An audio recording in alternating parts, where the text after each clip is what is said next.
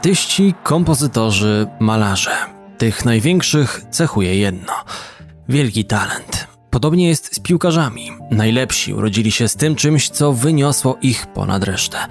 Są jednak pewne wyjątki. Można bowiem, jak się okazuje, zostać mistrzem świata, dwa razy wygrać Ligę Mistrzów, kilka razy być najlepszym w kraju, a jednocześnie być surowym technicznie, mało błyskotliwym i odstawać szybkościowo. Przez ponad dekadę Gennaro Ivan Gino Gattuso niestrudzenie za kulisami pracował na innych, a najbardziej na chwałę swojego klubu i narodu.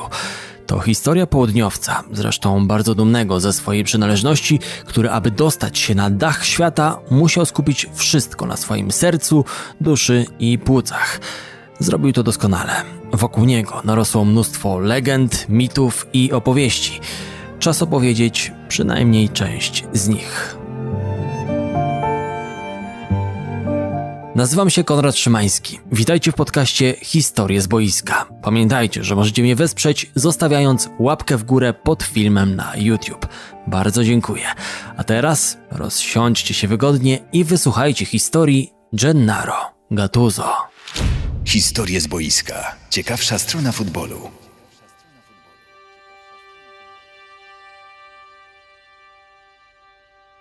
W miejscowości Corigliano w biednej Kalabrii wyczekiwano na niego w marcu. Zamiast tego przyszedł na świat na początku roku 1978, 8 stycznia. Prawdopodobnie już wtedy odezwał się w nim gen zniecierpliwienia i ten pośpiech, by wydostać się z łona matki Kostancy. Był jego pierwszą demonstracją charakteru. Faceta, który nienawidzi czekać, impulsywnego i pompującego adrenalinę. Niemniej narodziny były w rodzinie Gattuso wielkim wydarzeniem.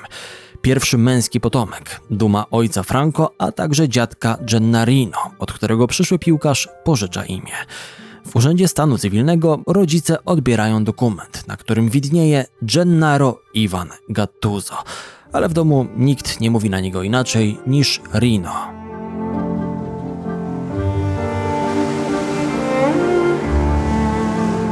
Corigliano Calabro. Całe dnie to słońce, dzieci, rybacy i morze. Jego osobisty raj. Do dzisiaj zawsze spędza tu wakacje po trudach sezonu.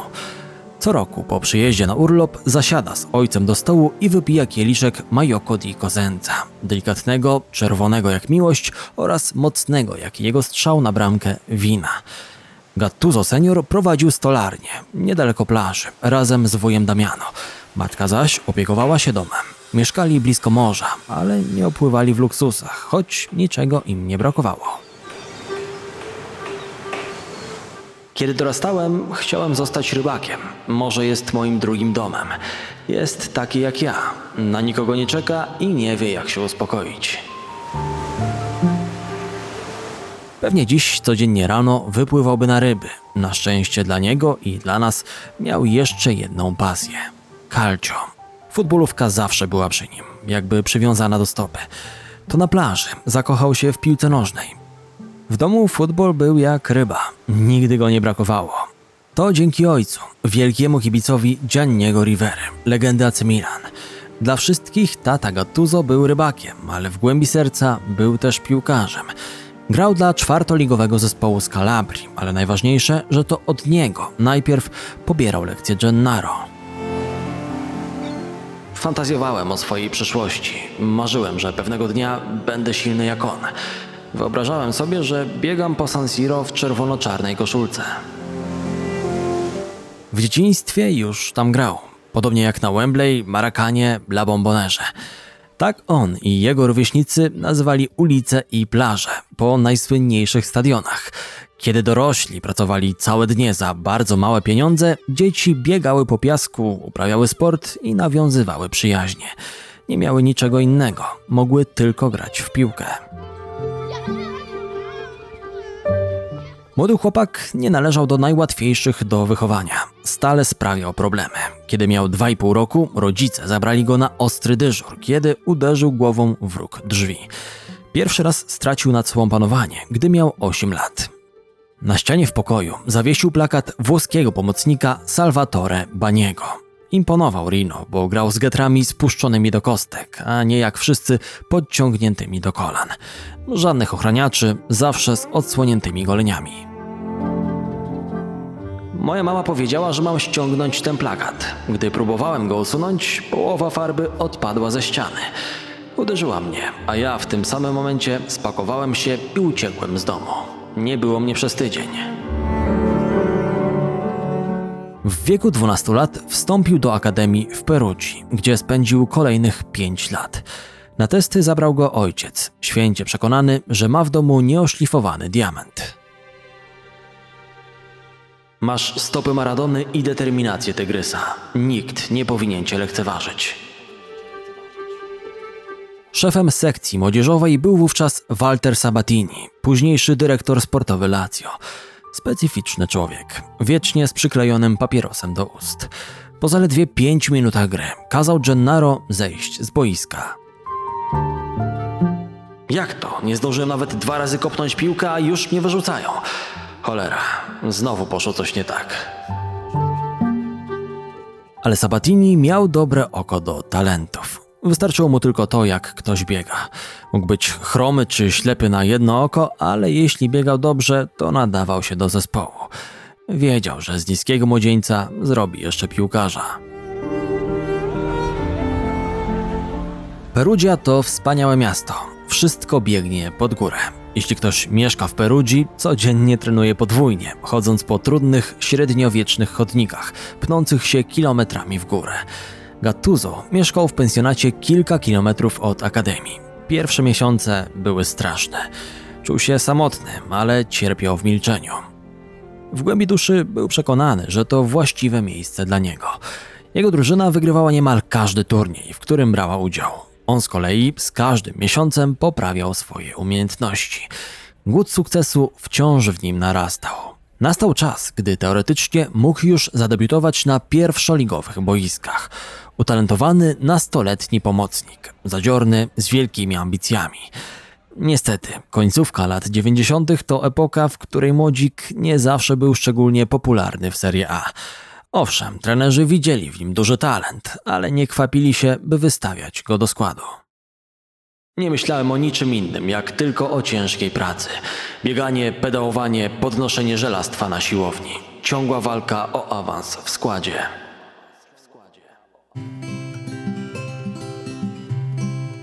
Zadebiutował dwa dni przed świętami Bożego Narodzenia w 1996 roku. Trener Nevio Scala zaufał osiemnastolatkowi i postawił na niego w kolejnych siedmiu meczach. Wkrótce został wybrany do reprezentacji Włoch U18.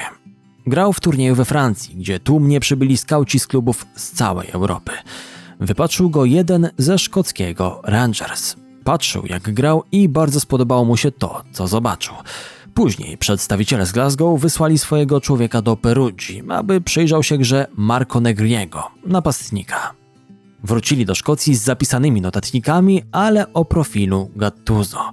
Pasował idealnie do koncepcji wyspiarskiego futbolu. Pomocnik z duchem rywalizacji, wychodzący na boisko, chłonąc atmosferę bitwy. Z Perugią nie wiązał go co prawda żaden kontrakt, ale Rino podobała się gra w Serie A. Bał się jechać do kraju tak oddalonego od Włoch, bez znajomości języka i kogokolwiek innego. Krótko mówiąc, był rozdarty, ale to, co nim wstrząsnęło, to entuzjazm ojca, który specjalnie poleciał do Glasgow, a wrócił zaliczką i opowieściami o mieście, stadionie oraz kibicach. Jeśli nie chcesz tam jechać, skopię ci tyłek. Czy zdajesz sobie sprawę, że nie zrobiłbym przez całe życie tych 500 milionów lirów, które ci oferują za rok? Gennaro nie miał wyjścia. Słowa ojca wciąż dźwięczą mi w uszach. Gdybym go nie posłuchał, prawdopodobnie moja kariera potoczyłaby się w zupełnie innym kierunku. 19-letni Włoch podpisał kontrakt z potęgą szkockiej piłki w kwietniu, chociaż opóźnienia w rejestracji zawodnika spowodowały, że z debiutem musiał poczekać do następnego sezonu. Architektem odpowiedzialnym za transfer był menadżer Rangers, Walter Smith. Nie wahał się ani chwili.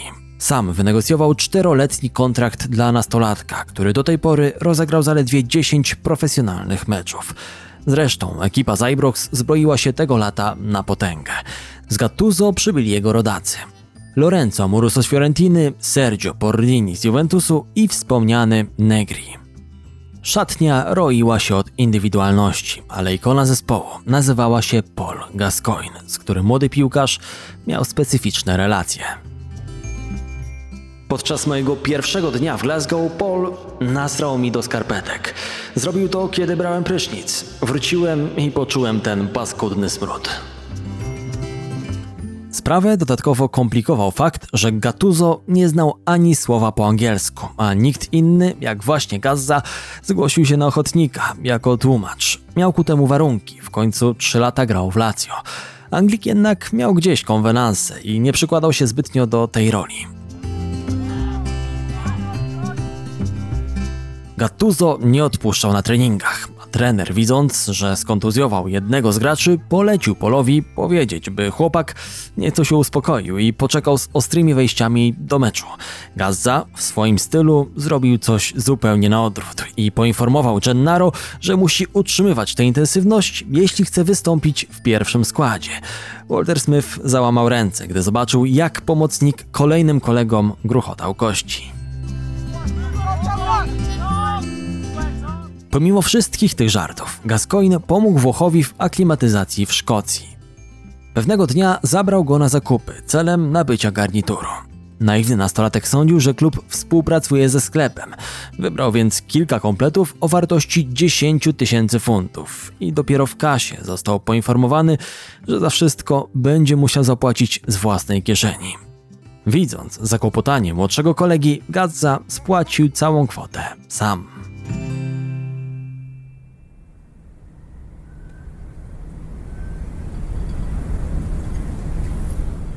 Stocznie w Glasgow reprezentowały świat Gennaro. Polubił życie w Szkocji, a nader bardzo tutejszy futbol. Chociaż zaraz po przyjeździe nie wiedział nawet, że Rangers to drużyna protestantów, a Celtic katolików. Utrzymywał, że nigdy nie miał do czynienia z incydentami rasistowskimi, poza jedną sytuacją. Tylko kilku fanów Celticu od czasu do czasu, kiedy mnie widzieli podczas Old Firm Derby, robili znak krzyża w powietrzu i pluli na ziemię z pogardą. Drobiazgi. Wkrótce zdał sobie sprawę z tego, że w Szkocji głęboko odczuwa się tożsamość narodową. Zdziwił się, gdy w szatni zobaczył portret królowej, wiszący w centralnym punkcie pomieszczenia. Przez kilka dni zastanawiał się, po co zamieszczono na ścianie obraz starszej pani. Sądziłem, że to jakaś aktorka albo stara, szanowana kierowniczka klubu. Po jakimś czasie nabrałem odwagi i zapytałem, po czym w szatni odezwał się chór. To królowa, głupku. Niektórzy nawet krzywo na mnie spojrzeli. W sumie to tak, jakby ktoś we Włoszech pokazał zdjęcie papieża i zapytał, kim on jest. No, Rino, całkiem niezły początek, pomyślałem. Kibice nie musieli długo czekać, aby zobaczyć go w akcji. Już na inaugurację sezonu 97-98 wszedł z ławki na ostatnie 10 minut w starciu z Hearts. Również nie minęło dużo czasu, zanim występy Gattuso przyniosły pierwsze pochwały. Zaangażowanie i pragnienie, z jakim grał, oraz podobieństwo do Williama Wallace'a, w rolę którego wcielił się Mel Gibson, szybko dały początek pseudonimowi Braveheart waleczne serce. Potrzebował tylko kilku kolejek, by wskoczyć do pierwszego składu. Bezbłędnie wykonywał brudną robotę u boku bardziej uzdolnionych technicznie Gascoina oraz Stewarta McCalla. Nauczono mnie łączyć agresję z lojalnością. Nie jestem gwiazdą. Jestem graczem zespołowym, który daje drużynie całą swoją energię. Zaszczepił to we mnie Walter Smith.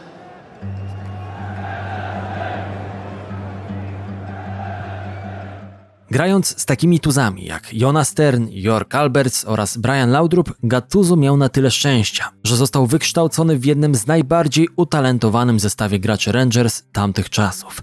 Zespół zbliżał się do obrony tytułu, jednak pierwsze problemy pojawiły się, gdy Gazza opuścił Szkocję i wylądował w Middlesbrough. Strata takiej siły sprawiła, że Rangersi zaczęli tracić punkty, a najgroźniejszy rywal, Celtic, zbliżył się do aktualnych mistrzów. Rino polubił tę rywalizację i styl grania. Chodzi o bieganie na 100% przez 90 minut i walkę jak mężczyźni. We Włoszech, jeśli tylko trochę podostrzysz, to przeciwnik jęczy do sędziego. Szkoci nigdy tego nie robią. Gattuso odegrał znaczącą rolę w chwilowym odwróceniu biegu w walce o mistrzostwo. Pod koniec kwietnia strzelił dwa gole przeciwko Hearts, dając jeszcze Rangersom szansę na utrzymanie tytułu.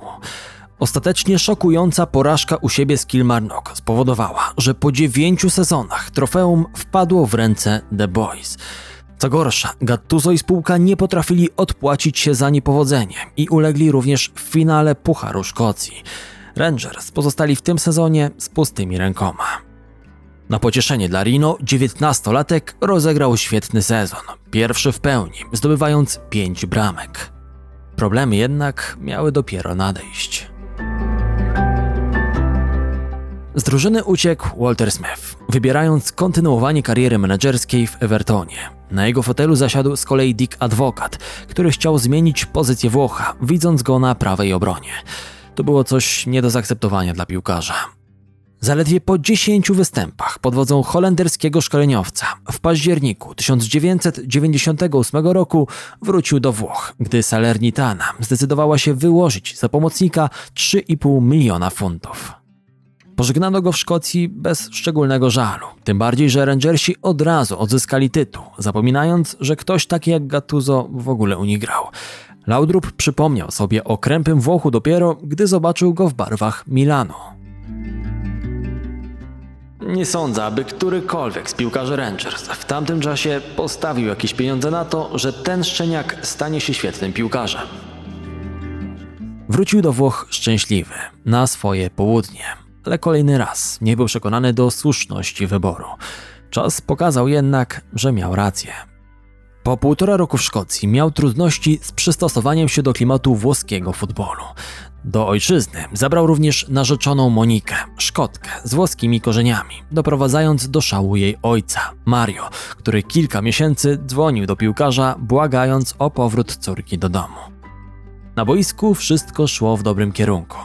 Trener Delio Rossi od razu dodał mu pewności siebie i stał się filarem pomocy.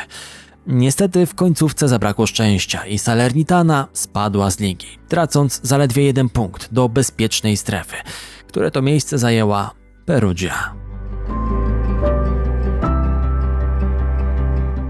W lidze się nie powiodło, natomiast Rino został liderem drużyny Marco Tardelliego, który prowadził młodzieżową reprezentację Italii.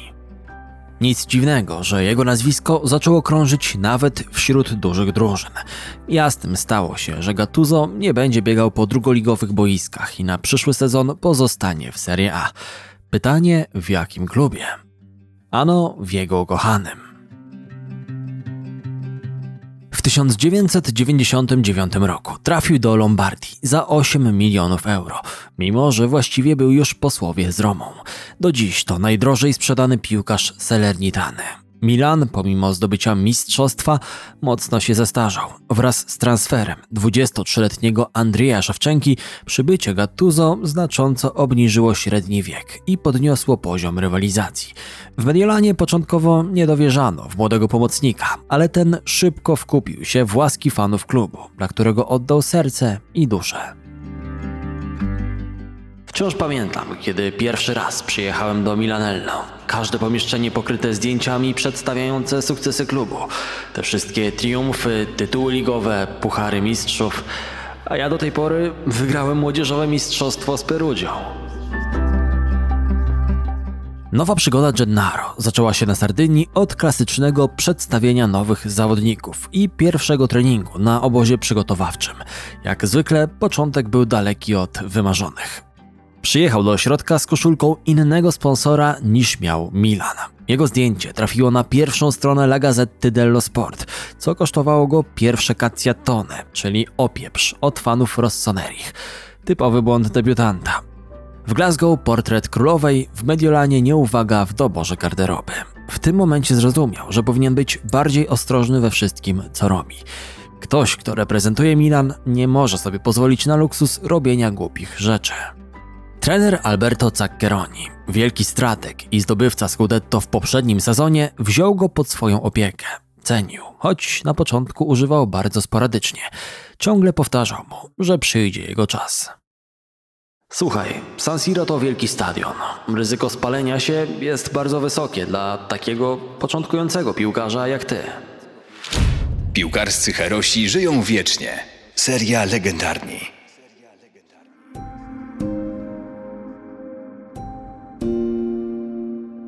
Debiut przyszedł w najmniej spodziewanym momencie. Gattuso został rzucony na głęboką wodę 15 września 1999 roku przy okazji starcia z Chelsea na Stamford Bridge. Massimo Ambrosini nie mógł wystąpić ze względu na czerwoną kartkę, więc do boju ruszył Pitbull z południa. Wciąż pamiętam te emocje i adrenalinę, która nagromadziła się w moim ciele ale poszło chyba całkiem dobrze, skoro na końcu wszyscy mnie komplementowali. Grał na tyle świetnie, że w samolocie powrotnym prezes Galliani wstał ze swojego miejsca i podszedł do Rino pogratulować świetnego debiutu. Zaccheroni nadal jednak oszczędzał 21-latka, ale gdy przechodziły ważne mecze, musiał być gotowy. I tak Gattuso wystąpił w derby della Madonnina przeciwko Interowi pod koniec października. Pomocnik wyróżniał się i natychmiast zdobył sobie sympatię fanów, dojrzałością i wytrwałością, demonstrowaną w starciach z Ronaldo, który był wówczas powszechnie uważany za najlepszego gracza na świecie.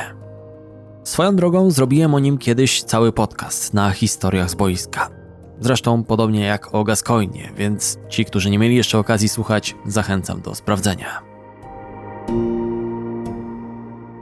Mimo pierwszych dobrych sygnałów, od razu pojął, jakie ma braki i do czego nie ma sensu dążyć. Po pierwszych treningach w Milanie zdał sobie sprawę z tego, że nigdy nie będzie dobrym technikiem. Był absolutnie pewien, że jego stopy nie pasują do nóg Maradony, jak kiedyś mówił mu ojciec. Kopanie piłki z Bobanem, Leonardo, Szewczenką, Pirlo, Sidorfem, Kaką i Ronaldo pozwalało zrozumieć, jak wielka jest różnica między mistrzem a szarym zawodnikiem. Jednak dzięki wytrwałości oraz radom kolegów doszedł do słusznego wniosku. Talent to za mało, aby stworzyć drużynę. Potrzebne są jeszcze siła i płuca. Wiedział, że całą swoją karierę poświęci na wysysanie piłek z nóg przeciwników i podawanie prawdziwym kreatorom gry. Robił to w absolutnie najlepszym stylu. Jedną z wielkich rzeczy, jakie zrobił, było rozwinięcie partnerstwa z Andreą Pirlo. Grali razem w reprezentacji przez wiele lat, we wszystkich młodzieżowych drużynach. Gattuso zawsze z tyłu, Pirlo jako mezza punta, ofensywny pomocnik. To jednak Carlo Ancelotti zaczął przesuwać tego drugiego głębiej, więc w końcu grał bliżej Gattuso. W Milanie i kadrze wyćwiczyli zdolność znajdowania siebie nawet po ciemku. Gennaro wyłuskiwał futbolówkę i podawał, jak to mówią Włosi, do banku. Pirlo rzadko tracił posiadanie. W przeciwieństwie do udanych partnerstw środkowych obrońców lub napastników, duety środkowych pomocników z różnych powodów otrzymują niewiele, jeśli chodzi o konkretne uznanie. Zmienili to dopiero Pirlo z Gattuso. Ich współpraca zaowocowała Mistrzostwem Świata, dwoma Pucharami Europy i dwoma tytułami Mistrza Włoch. Gattuso miał do swojego partnera olbrzymi szacunek. Jeśli nie znasz Andrei, można pomyśleć, że jest cichy lub pozbawiony osobowości. Ale uwierz mi, to wspaniały sukinsyn. Świetnie się z nim bawi i żartuje. Łatwo mnie rozzłościć, a on uwielbiał mnie prowokować. No tak, legendarna złość Gattuso. Wszyscy wiedzieli, że Rino ma krótki ląd. Wystarczy iskra, by go podpalić. Jak przed półfinałem Ligi Mistrzów przeciwko Manchesterowi United w 2007 roku. Koledzy cieszyli się wolnym dniem i jedli lody. On, jak zwykle, swój biały ryż. Prosił, żeby tym razem nie żartowali z niego, bo musi się skupić przed ważnym meczem. Ale Massimo Oddo prosił się z kolei o Guza, mówiąc o nim, że jest idiotą. Za karę widelec wylądował na jego stopie. Generalnie wszystkie drwiny z niego na stołówce kończyły się tak samo, wbitymi widelcami w różne części ciała. Wiedza o zabawie pod tytułem Rozzłość Gennaro dotarła również do reprezentacji. Na zgrupowaniu przed Mundialem w 2006 roku pomocnik udał się na fizjoterapię, a do jego pokoju weszli Pirlo i Daniele De Rossi. Jeden schował się w szafie, drugi pod łóżkiem. Cel oczywisty. Czekali ponoć trzy godziny na powrót Gattuso. Tak desperacko chcieli go wkurzyć. Wrócił dopiero o 23. Położył się do spania, a z grywusy wyskoczyli przerażając Kalabryjczyka. W rewanżu zamknął ich w pokoju i pobił. A jak w ogóle znalazł się w kadrze? To rezultat jego świetnej dyspozycji w młodzieżówce, prowadzonej przez Tardelniego. Trener usilnie wystawiał go na prawym skrzydle, ale ostatecznie piłkarz zaakceptował nową rolę, aby być użytecznym dla większej sprawy. W 2000 roku sięgnął po Mistrzostwo Europy do lat 21. Włosi pokonali wówczas w finale w Bratysławie Czechy dzięki dwóm bramkom Pirlo. Ten turniej okazał się dla Rino punktem zwrotnym. Uświadomił mu, że pewnego dnia również i jego zdjęcie będzie wisiało na murach Milanello. Tego samego roku odebrał pierwszy telefon od Dinocowa, selekcjonera dorosłej reprezentacji. Wszedł w spotkaniu towarzyskim ze Szwecją. Mimo pozytywnych recenzji nie znalazł się w grupie graczy udających się na Euro do Belgii i Holandii. Azzurri przegrali w finale w dramatycznych okolicznościach, a Gattuso, prócz złotego gola Trezegueta, pamięta jeszcze słowa Silvio Berlusconiego kilka dni po finale Mistrzostw Europy. Cof popełnił wielki błąd. Wystarczyło zabrać ze sobą Gattuso i postawić go naprzeciwko Zidana. Wygralibyśmy ten mecz. Świetny rok 2000 skończył się dla Gattuso pierwszym golem dla ukochanej kadry. Cof zrezygnował ze stanowiska. Na jego miejsce wszedł Giovanni Trapattoni, z którym piłkarz Milanu miał świetny kontakt. To Trapp rok wcześniej chciał go podkraść do Fiorentiny i nie wyobrażał sobie trzonu Italii bez walecznego pomocnika. Gattuso podziękował nowemu trenerowi w meczu z Anglikami.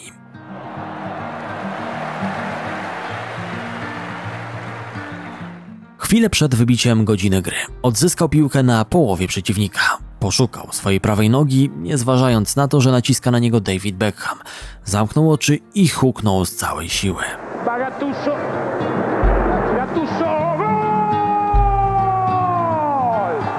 Gol! Futbolówka poleciała z ogromną prędkością. Po drodze odbiła się jeszcze od poprzeczki i wpadła do angielskiej bramki. Często pytają mnie, jak to zrobiłem. Odpowiadam, nie wiem. Spróbowałem i udało się. Czasami w futbolu trzeba być odważnym, jak w życiu. Naturalnie pojechał na mundial do Korei Południowej i Japonii, ale tam spotkał go zawód. Doświadczenie w Azji skończyło się źle. Pomogło mu jednak dojrzeć jako człowiek i piłkarz. Włosi zapamiętali tylko jedną postać tamtych mistrzostw ekwadorskiego arbitra Byrona Moreno. Według Gennaro nie tylko on był odpowiedzialny za przedwczesną eliminację składry. Koreańczyków dało się pokonać nawet mając trzech sędziów przeciwko sobie. Jeśli o mnie chodzi, to utopiłbym Moreno w zgniłej zupie, ale my też nie daliśmy z siebie wszystkiego. Trapattoni został ukrzyżowany przez media, ale z zupełnie innego powodu niż Cof. Poprzedniego selekcjonera obarczano winą za wystawianie zbyt ofensywnego składu. Tymczasem Trapa za zbyt defensywny. Catenaccio przestało być w cenie, a kibice nie rozumieli, dlaczego gra Gattuso, a nie Del Piero. Dwa lata później pojawiła się możliwość odkupienia Mistrzostwa Europy w Portugalii. Wszyscy czekali, aż piłkarze zmiotą złe azjatyckie cienie. Sprawy miały się jeszcze gorzej. Włosi odpadli w fazie grupowej pośród tysiąca kontrowersji, między innymi dyskwalifikacji Francesco Tottiego, który opluł Christiana Polsena oraz Piscotto, czyli ciasteczko, jak się mówi o wyniku, który urządza obie ekipy grające między sobą, a który powoduje wyeliminowanie trzeciej drużyny. Skandynawowie z Danii i Szwecji zrobili taki brzydki deal, aby wyciąć Azzurich z mistrzostw. Po raz pierwszy w historii i jak na razie jedyny do fazy pucharowej nie zakwalifikował się zespół, który miał na koncie 5 punktów. Pasmo porażek miał przeciąć dopiero następny turniej. Zanim to jednak nastąpi, Gennaro przeżył dwie ważne chwile. Jedną wspaniałą, Druga zaś to jego największa porażka w karierze. Historie z boiska. Ciekawsza strona futbolu.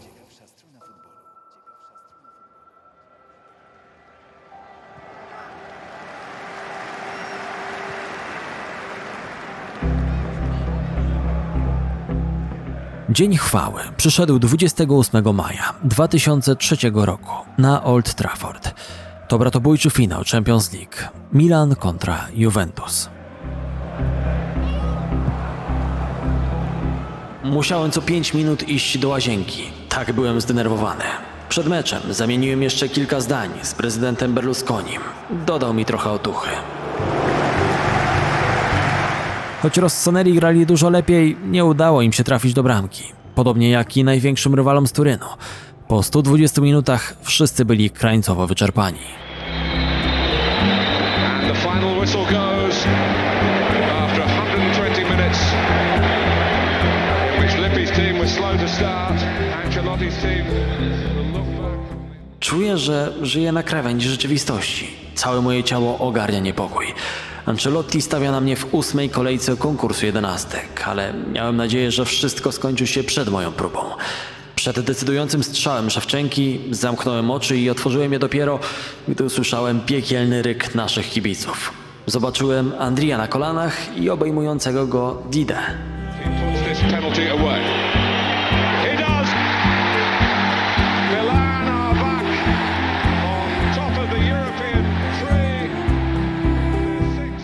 Gattuso cieszy się, że także i jego zdjęcie zawiśnie w szatni Milanello. Impreza trwała do białego rana. Nikt nie chciał spać. Rino poprosił kucharza, by o piątej w nocy przygotował spaghetti. Niektórzy wyszli przed hotel, aby na trawniku pokopać jeszcze piłkę i powitać nowy dzień. Pierwszy w roli klubowych mistrzów Europy. Kolejny rok to niezapomniana przejażdżka rollercoasterem. Zaczyna się od wspaniałego zwycięstwa w Superpucharze Włoch nad Lazio 3 do 0 i hat-trickiem Szewy.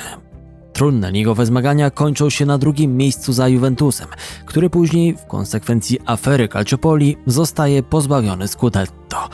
Ale największe emocje Milanistich czekają znów w Lidze Mistrzów.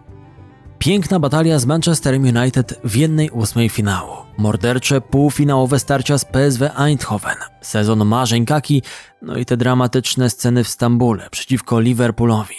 Od 3 do 0 do przerwy do 3 do 3 i triumf Anglików w karnych. Chcę raz na zawsze wyprostować plotki, które pojawiły się po meczu. Wcale nie jest prawdą, że świętowaliśmy w przerwie spotkania. To wielka bzdura, którą rozpuścił obrońca Liverpoolu, Traore, który powiedział, że słyszał z naszej szatni wiwaty. Nic takiego nie miało miejsca. Ten mecz bardzo naznaczył karierę Gennaro, który myślał nawet o zawieszeniu butów na kołku. Ciężar porażki mocno ugryzł jego duszę. Końcu przekonany i zachęcony przez kolegów z drużyny, członków, rodziny i agentów pokazał, że zwyciężyło pragnienie odkupienia i miłości do koszulki Rossoneri, o której marzył przecież od dziecka. Milan per sempre. Zrewanżował się dwa lata później, na tym samym rywalu. Na Stadionie Olimpijskim w Atenach po wygranej 2 do 1 znów mógł wznieść puchar z wielkimi uszami.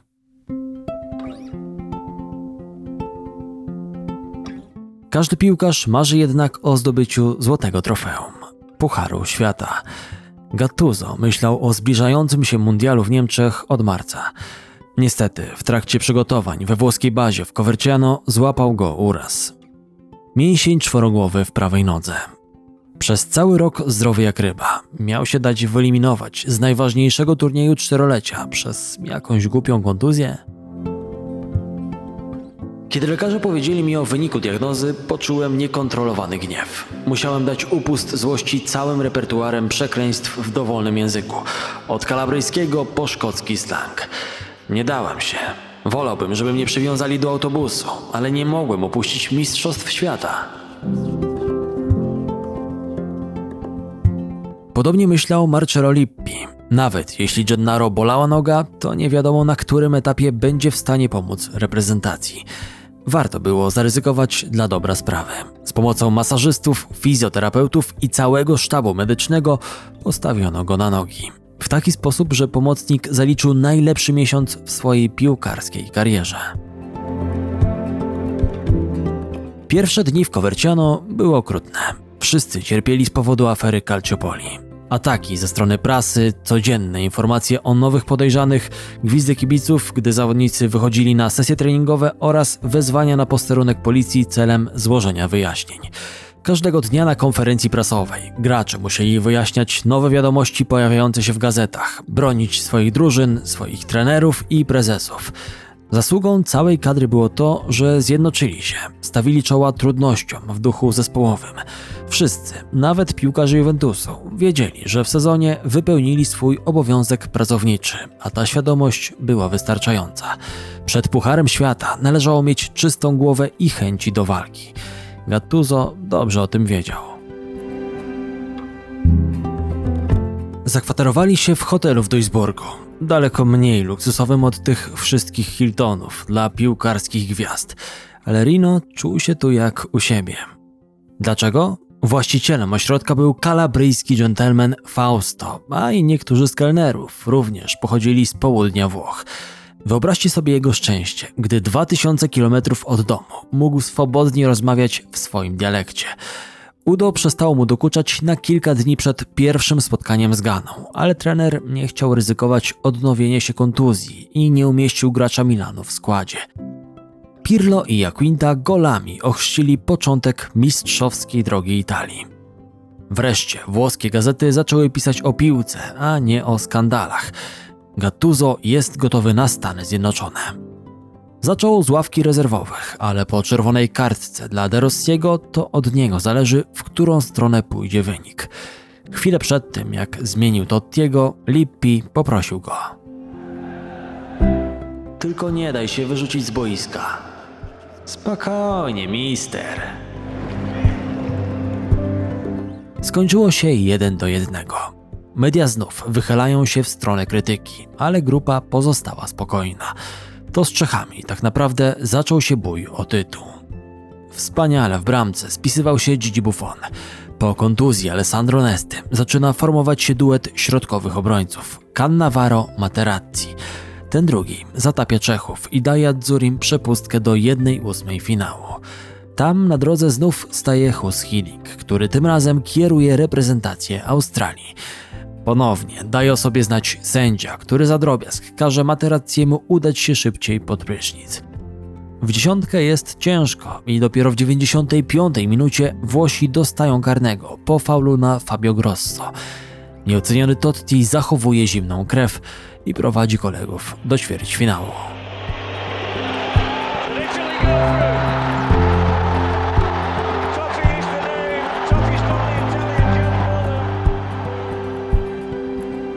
Mecz z Ukrainą to popis Gattuso.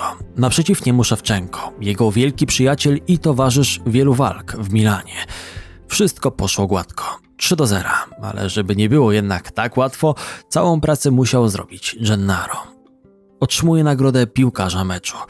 Podczas gdy na turnieju Pirlo odznaczał się kreatywnością i został najlepszym asystentem mundialu, Gattuso miał najwięcej odbiorów ze wszystkich piłkarzy, aż 47. 11 więcej niż drugi w tej klasyfikacji Patrick Vieira. Z 392 podań aż 351 było dokładnych. Środek boiska należał do niego. Historie z boiska. Ciekawsza strona futbolu.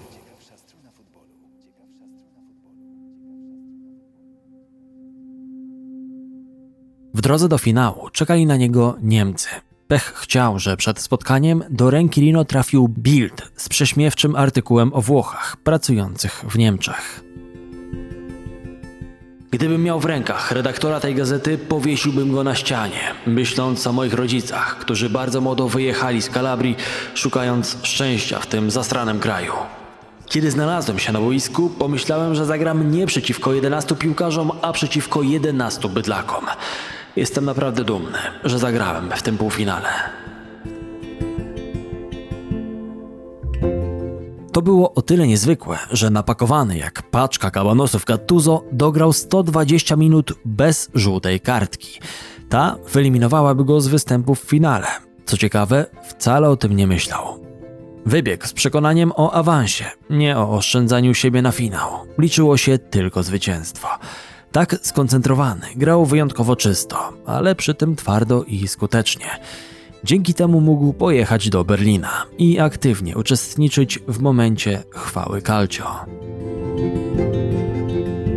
Przed finałem nie zmrużył oczu. Tam, skąd pochodzę, mówi się, że gdy ktoś nie może spać, to znaczy, że ma robaki w tyłku. Cóż, z jakiegoś powodu robaki miałem przez cały mundial. Osobiście najbardziej obawiał się oczywiście Zidana, który grał na tym turnieju jak potwór. Wydawał się jeszcze lepszy niż 8 lat wcześniej, kiedy w pojedynkę zniszczył w finale Brazylię. Wszyscy we Włoszech uważali, że tylko Gattuso będzie mógł go zatrzymać. Nikt się nie spodziewał, że Zizu odbije się nie od Rino, a od Materazziego, a właściwie na odwrót. Jeden z najlepszych piłkarzy wszechczasów postradał zmysły, a wszystkiemu przyglądał się piłkarz, który wydawał się uosobieniem agresji i szaleństwa. Tymczasem Gattuso był w szoku, gdy zobaczył, co wydarzyło się w dogrywce. Z pewnością Materazzi nie powiedział mu bonsoir monsieur. To jedyne słowa po francusku jakie znam, bo żeby mówić po francusku trzeba mieć odrobinę klasy, której mi brakuje. Tak czy siak na boisku padają różne słowa. Twoja mama jest taka czy owaka, ale to po prostu zwyczajne rzeczy podczas meczu. Podczas rzutów karnych jest zwrócony plecami do bramki, gdzie strzelane są jedenastki. Po ostatniej rzuca się do biegu w nieznanym kierunku. To nieistotne. Jest mistrzem świata. Zdejmuje spodenki i biega w samych majtkach. Dopiero oficjele kazali mu się ogarnąć. Wrzeszczy, skanduje. Idzie do Lippiego, krzyczy mu prosto w twarz, potem znowu dołącza do kolegów. Od ostatniego gola Grosso do ceremonii wręczania nagród mam pustkę w głowie. Nie pamiętam absolutnie nic. Dopiero gdy wołają nas na scenę, dochodzi do mnie, co tak naprawdę zrobiliśmy. Wziąłem puchar świata w ręce i szepnąłem do niego: Nawet nie wiesz, ile kilometrów musiałem zrobić, by do ciebie przyjechać. Wieśniak z Kalabrii został mistrzem świata. Z powodzeniem grał w Milanie i reprezentacji jeszcze sześć długich lat. Odszedł z ekipy Rossoneri w tym samym czasie co jego najlepszy kumpel, Andrea Pirlo. Był już wrakiem sportowca. Ciągłe starcia z rywalami niemalże doprowadziły go do kalectwa. W ostatnim sezonie na San Siro podczas spotkania z Lazio zderzył się z Alessandro Nestą. Wydawało się, że to nic groźnego, ale działacze woleli dmuchać na zimne i poddali go testom w szpitalu. Okazało się, że niezależnie od starcia z obrońcą stwierdzono u niego rzadkie porażenie nerwu, które bardzo często wiąże się z nowotworem. Miał zawroty głowy, często widział podwójnie, z czego później żartował. Kiedy na boisku zobaczyłem dwóch czy trzech Ibrahimowiczów, na początku spanikowałem, ale stwierdziłem, że dam radę nawet w takich okolicznościach. Dzisiaj wiemy, że choruje na miastę nieoczną, powodującą między innymi opadanie powieki. Gennaro radzi sobie z tym i nie porzucił sportu. To zbyt twardy facet, by porzucić coś, co kocha, dla kilku nieprzyjemnych objawów. Nawet gdy porzucił grę na boisku, nie mógł szybko zapomnieć o Calcio. Jest trenerem i wprowadza swoje porządki. Nadal nie daje sobie w kaszę dmuchać. Ostatnio odszedł ze stanowiska trenera Fiorentiny 23 dni po zatrudnieniu. Kochaj go lub nienawidź. Możecie dać znać w komentarzu na YouTube, po której stronie wy stoicie. Jego zaangażowanie, pragnienie i przywództwo powinny być podziwiane. Połączenie natury współczesnego futbolu z archetypicznym przewodnikiem Stana. Na świecie pozostało niewielu takich graczy jak Gennaro Gattuso. Gattuso